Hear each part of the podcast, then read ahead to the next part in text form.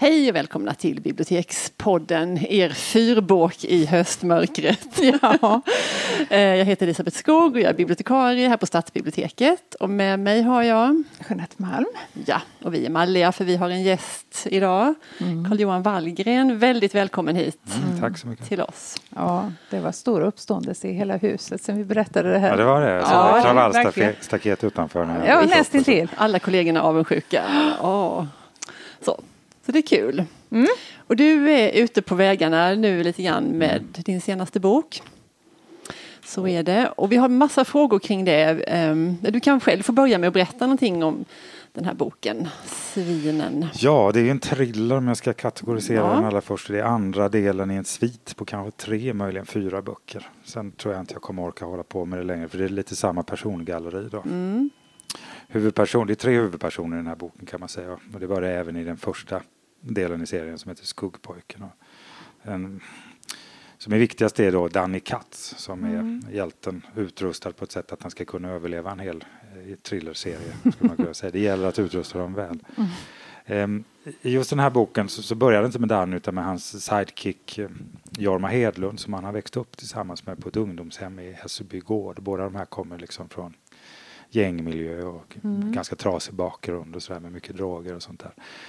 Um, Katz är numera en eh, ren från droger och så vidare och, och, lever inte längre ett kriminellt liv utan driver en liten översättarfirma och datasäkerhetsfirma i Stockholm. Eh, men Jorma Hedlund, hans gamla vän, eh, lever fortfarande i kriminella världen. Men han har något år tidigare innan vi kommer in i handlingen beslutat sig för att lägga av och mm. liksom slå in på den smala vägen helt enkelt. Men då får han helt enkelt ett erbjudande som han inte kan motstå. Mm. Det rör sig om ett eh, värdetransportrån. Mm. Det rör sig om en, värdetransport, en gammal värdetransportbil som inte har samma säkerhetsfunktioner som moderna. Alltså sämre destrueringssystem, eh, GPS som går att sätta ur spel och så vidare. Det här tipset kommer från en brottsmäklare som i sin tur har kontakt med en insider på den här värdetransportfirman. Mm. Och det rör sig om väldigt mycket pengar och eh, Jorma kan inte motstå frestelsen. Så han sätter igång och planerar det här rånet tillsammans med några kumpaner. Och eh, genomför det då. Och eftersom det här är genrelitteratur så går det naturligtvis käpprätt åt helvete. En av Jormas eh, medhjälpare blir avrättad utav en polis och de andra blir gripna. Jorma är den enda som lyckas ta sig därifrån med ta sig därifrån och mm. han inser genast att de har fallit offer för någon angivare eller någonting mm. och det gäller för honom att ta reda på mm. vem det här är då.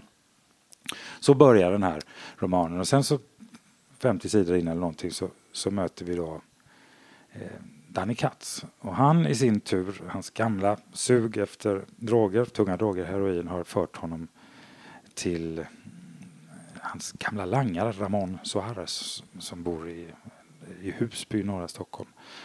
Och de har inte sett träffas på många, många år. De levde på gatan tillsammans under 90-talet. Men Ramon har märkligt nog, fast han är djupt nedgången narkoman, lyckats komma över distributörsmängder av heroin, alltså flera kilo. Det rör sig om väldigt mycket och Katt tycker det är jättekonstigt att en sån människa som är så utslagen helt plötsligt mm. kan liksom ha kom, kunnat komma över så mycket knark. Mm. Eh, suget blir väldigt starkt för Katz och, och, och, och Ramon ger honom då tre, fyra kabbar, det är alltså en måttenhet för heroin. Då. Eh, och en inplastad spruta och säger här jag bjuder på det här liksom. Och vi kanske kan jobba ihop i framtiden och sådär. Och Katz beger sig därifrån den här sunkiga kvarten där, där Ramon också är med sin mystiska flickvän eh, Jenny. Eh, också narkoman förstår man. Katz som har judisk bakgrund, det här är en fredag så det, han ska fira shabbes mm. så han stoppar knarket i fickan och beger mm. sig till den ortodoxa synagogan på Sankt mm. Paulsgatan i Stockholm. Och där där någonstans ångrar han sig. Tänker, jag kan liksom inte börja med det här igen efter alla år. Jag har varit ren nu i tio år. Det här liksom, jag, jag kommer ta död på mig själv inom bara några månader. Så han beslutar sig för att symboliskt så att säga lämna tillbaka, åka tillbaka med det här knarket, lämna tillbaka det till Ramon. Symboliskt på något sätt att säga, jag vill inte det här, det här livet. Det. Ja. Och det gör han och när han kommer dit så eh, då hittar han alltså Ramon död en överdos. Katz tycker det är skitkonstigt för det här är liksom en knarkare som inte feldoserar. Han är så han är veteran liksom. Dessutom blandar han ut sitt knark själv med Cofazonpulver så han vet precis hur starkt det är och så vidare.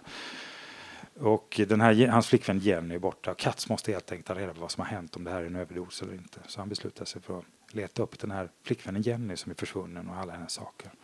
Och det här för honom in på väldigt farliga vägar kan man säga. Först in i Stockholms porrindustri. Och mm. Sen börjar det bli riktigt jobbigt för Nu är jag bara på sidan 52 eller någonting i romanen. Så det, det, är, det här är inte så stor spoilervarning. Nej, jag undrade just det om det var det. Jag får förhöjd puls bara av introt kan jag säga. Mm. Jag har läst flera av dina, eller nästan alla dina böcker och den här, inte den som var förr utan Havsmannen. Mm. Obehagligaste bok jag läst i ja, mitt liv och det är en komplimang. Ja. Men alltså, du har ju verkligen den förmågan att mm. krypa under skinnet. Jag får fråga en teknisk sak här då, för det står så här, Carl-Johan Wallgren skriver som Lucifer. Står det, det är jobbigt på. för er bibliotekarier. Ja, sånt tycker vi inte alls inte. om. Nej, det ska vara ett Nej. efternamn är tydligt. Men ni kan välja, ni kan ställa en på hyllan V och en på L. det är ännu värre. det var inte till hjälp kan jag säga. Nej, jag vet inte riktigt hur man ska göra. Wallgren blev det enklaste då på något sätt mm. i längden. Med. Men, Men på den förra stod det bara Lucifer? Nej, på baksidan så, så stod det ju liksom okay. Carl-Johan Wallgren skriver som Lucifer. Det var liksom inget hemlighetsmakeri. Jag ska förklara varför, varför det blev så där. För ja, mig handlar det helt enkelt om um, det var ändå ett stort steg för mig att skriva genrelitteratur. Jag är ganska så här plottorienterad skönlitterär författare. Mm, men det mm. var ändå ett stort steg och för att lura mig själv att göra det så liksom låtsades jag att jag var någon annan mm. och då mm. låtsades jag att jag var Lucifer. Ja. Mm. Och Lucifer och jag har så att säga en gammal deal sen jag skrev en roman som heter Dokumentspelaren rör, rörande spelaren Robarsov heter den, mm. som kom ut 96. Där, där Lucifer är faktiskt berättande förstår man inte förrän i slutet av den här romanen. Då. Så, och jag gillar det där namnet Lucifer. Mm. Ett annat namn för eh, Aftonstjärnan, eller Morgonstjärnan är det va? Och så betyder det ljusbringaren då. Den som tar ljuset till människorna och upplyser dem. Snyggt namn och sådär. Mm. Mm. Inledningen, eh, är den, vi har pratat lite grann om inledningar idag med andra författare. Mm. Eh, vi har haft lite olika en, diskussioner om ja. hur viktig den är, hur, hur, den leder in läsaren i ett visst eh, mm. sinnesstämning. Ja. Och vi pratar om att man ibland när man har läst slut en bok faktiskt går tillbaka och läser inledningen ja. igen och att den då kommer förklara väldigt mycket. Mm. Jobbar du mycket med inledningen är otroligt viktigt för att mm. sätta tonen för hela mm. boken och sådär. Mm. Eh, det kan jag jobba ganska mycket på. Eh, men ofta så måste jag säga att inledningar kommer ändå ganska lätt för mig. Jag har ju liksom någonting i mig, någon berättelse som ska, mm. ska ut. Men du börjar med den och, när ja, du skriver? Ja, och den, den, den formar någon slags stämning i mig det, som jag nästan upplever fysiskt, kroppsligt. Liksom. Och det brukar ofta komma ut i rätt ton då. Liksom. Ja, mm. Berättelsen slår an en viss, skapar någon slags någon, någon slags stämning i mig mm. och, och, den kommer ofta ut direkt i första kapitlet. Då. Kan vi inte få höra hur det låter? Ja. I Ska jag läsa precis i början? Eller? Du får läsa vad du vill. Jag tänkte jag skulle... Hur mycket vill ni att jag ska läsa? En sida. En sida. Jag läser faktiskt en bit in. Mm. Mm. Klockan var elva på kvällen och de befann sig i ett skogsområde på Ekerö. Insidern var redan på plats med en egen bil. Det här var den enda direktkontakten som skulle förekomma mellan dem. Och ju mindre han visste om dem, desto bättre. Inga namn, inga utseenden. Killen såg livrädd ut när han såg dem komma gående på grusvägen iförda rånarhuvor. Fan vad ni skräms, sa han. Är det halloween eller något? Kom, vi går en bit till. De fortsatte upp i skogen. Stannade i en glänta omgiven av björkar. Svagt månljus silades genom trädkronorna. Killen började självmant berätta för dem om bilarna, gav info om tider, bevakningsrutiner, började stamma av nervositet när han plötsligt kom in på bytet. Det rör sig om åtta mille med lite tur, men jag vill ha en tredjedel annars skiter jag i det. Jag sätter ju en hel del på spel, mitt jobb till exempel. Tjallar typ, tänkte Jorma medan han sträckte fram en cigg till honom. Förråder folk för pengar, förråder sina kollegor, vet inte vad heder är. Han lät honom tända ciggen innan han gav honom en örfil. Killen tog sig om kinden. Vad fan gjorde du där för? Han svarade inte. Slog en gång till istället. Hårdare. Killen darrade hela kroppen, såg ut att vilja springa därifrån. Du ställer inga villkor i det här läget. Din deal får du ta med vår gemensamma kontakt och från och med nu kommer du inte att backa. Det är för sent. Du har passerat den röda linjen. Förstår du? Mm. Ja, nej, men det, man måste ju läsa vidare, eh, helt klart, efter en sån. Ja, men det är ju också viktigt med, med inledning att på något sätt locka mm. läsaren ja. till vidare läsning. Ja. Mm. Det får gärna ganska tror... öppet och inbjudande tycker jag. Då. Man har kanske inte så jättelång tid på sig heller att fånga. Nej, jag vet ju hur jag själv är som läsare. Mm. Ja. Hur lång tid ger du? Hur många sidor ger du? Jag brukar sällan ge mer än 30-40 sidor. Har, det, har det inte fångat mig nej, då, så då, då, är det i alla fall inte rätt läge i mitt liv att läsa nej, just den nej. boken. Men jag tycker också det är ett bra mått det där 30-40 sidor mm. för då mm. måste man ha liksom kommit fram till någonting som, som mm. fängslar en annars så kan det kvitta. Men du kan du inte berätta, liksom det här när vi är inne på det här med att läsa och inledning, vad, vad läser du själv? Sådär, vad gillar du att läsa? Alltså när jag skriver så läser jag inte så mycket för jag är så rädd att jag liksom ska bli påverkad mm. på något mm. sätt. Och, mm. Och, att det blir fel ton liksom, mm. i, i, berättelsen och så. Mm. Men på min fritid läser jag en del, särskilt på mm. somrarna. Det är min stora läsperiod. Då tar jag ledigt från skrivandet och läser mycket. Och, och jag är jag, jag läser inte så mycket genrelitteratur faktiskt. Inte så mycket thrillers och deckare. Fast jag nu skriver det själv. Därför att jag för det mesta tycker att det är så undermåligt stilistiskt. mm. Stil och språksnobb fortfarande. Ja. Sen kan jag liksom beundra folks plott och sådär, tycka mm. att den är skitbra och listig mm. och sådär. Men för mig krävs det lite mer. Mm. Det är lite grann som, eh, ni vet, eh, eh, stråkmusik i en skräckfilm. Liksom. Man tänker inte på det när det är där, men plockar du bort det så blir det inte dugg mm. läskigt längre. Så, så funkar stil för mig. Liksom. Det förstärker faktiskt spänning och så, och känsla. Men så jag läser inte så mycket genrelitteratur utan det är faktiskt mest vanlig skönlitteratur. Mm. Just nu läser jag Hassan Blasim till exempel, mm. finsk eller arabiska men numera författare med bosatt i Finland. Det är mm. skitbra, alltså. mm. makalöst bra. Mm. Du är ju på turné nu. Runt i Ja, Mini. Sverige. mini, ja, mini. Ja, mini det, det, ja. Jag gör lite så här bokens dagar nu i med den här sidan ja. har kommit ut. Så det, mm. men det är bara fyra stycken. Men du är översatt till väldigt många språk. Ja, det är jag faktiskt. Mm. Är du, rör du dig utanför eh, Sverige när du turnerar ja, och pratar om dina böcker? ganska mycket blir det. det. Mm. Eh, förra året var det väldigt mycket. Märker du någon skillnad i publiken hur de, vad de frågar om eller vad de är intresserade av? Skiljer det sig åt mellan olika nationalkaraktärer eller hur? Ja, men alltså, ja, det är klart, det gör lite grann sådär. För det första tycker de i, ut, i utlandet att Sverige är så exotiskt ja. så att det blir liksom, man blir exot, exotiserad. Ja. Um, I Tyskland till exempel då, Katzer som man har på namnet, uh, han är ju, har judisk bakgrund. Mm. Uh, och uh, det blir ju liksom ett särskilt tema i Tyskland. Mm. Mm. Så som man umgås med på ett lite annat sätt än i Sverige. Och sånt där. Lite sådana grejer där länder kan skilja sig åt. Mm. Jag tänkte på det här med eh, musiken. Du var ju ganska lika mycket musiker som författare, för mig åtminstone, eh, tidigare. Men nu var det länge sedan man hörde någonting. Ja, nu är det länge sedan. Har du lagt av det? Nej, men jag har ju så här är det, jag har ju alltid betraktat mig själv som först och främst romanförfattare och när jag upptäckte att jag liksom inte hade tid att göra båda sakerna. Det var ganska enkelt val för mig. Sådär. Mm. Men det menar jag inte att jag för all evighet har liksom lagt ner musik och sådär. Jag kan tänka mig att komma tillbaka och göra mm. det igen mm. i framtiden. Men just nu så mm. har jag liksom bara tid till att skriva. Och nu är det Lucifer som skriver och några böcker till sa du i den Ja, kanske sviten. tre eller fyra böcker då. Får inte bli, alltså det, för mig är det skitviktigt liksom att det inte får, det får inte bli jobb. Nej. Det ska ju vara lust. Ja. Mm. Och, så.